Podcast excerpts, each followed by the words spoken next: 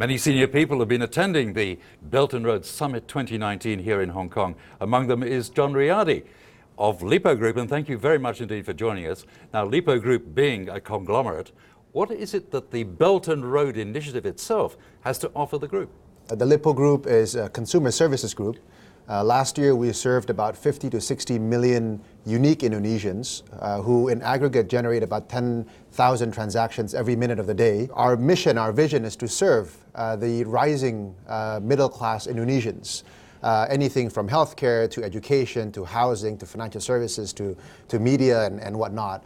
And as we take a look at the needs of this middle class population, uh, we think there are great opportunities uh, for us to be able to, to synergize and to partner with other partners uh, in China. So, really looking at some of the, uh, if you like, success stories that are out there on the Belt and Road Initiative, do any involve the Lippo Group? I think one would be housing. If you take a look at Indonesia, uh, the home ownership rate today is at 60%. So that's probably going to go up to about 80% uh, over the next 10 years. So that's an addition of about 12 million homes. The Chinese lesson over the last 15 years of how home ownership went from 50 to about 85%, I think is interesting. So as we learn with, you know, from the Chinese developers on how you provide uh, housing at scale, uh, and providing good value to homeowners, uh, I think is very important. I think infrastructure is another. Uh, China has been an important player as Indonesia continues to build out its infrastructure, whether it's uh, you know fast speed trains or MRTs or elevated highways.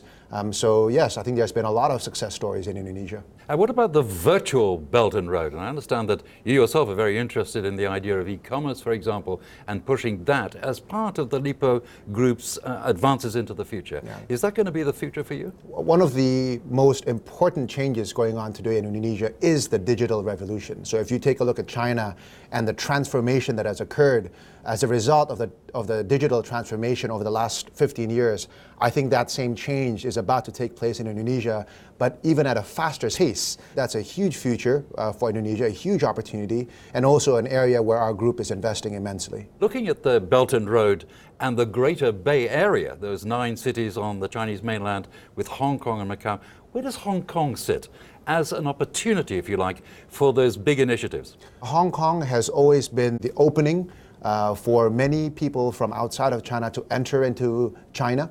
Uh, for our group in particular, we've had a presence in Hong Kong uh, since the 70s, and that has always served as our beachhead and as our international headquarters uh, as we invested not only in China, but also the whole of East Asia and North Asia.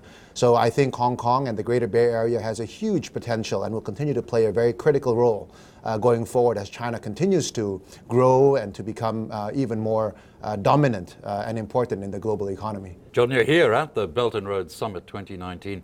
How does this appeal to you? And you know, what, what is the sort of uh, feeling that you have as an opportunity, if you like, for Indonesia, for Indonesian businessmen that come or businesswomen that come here to the Belt and Road Summit 2019?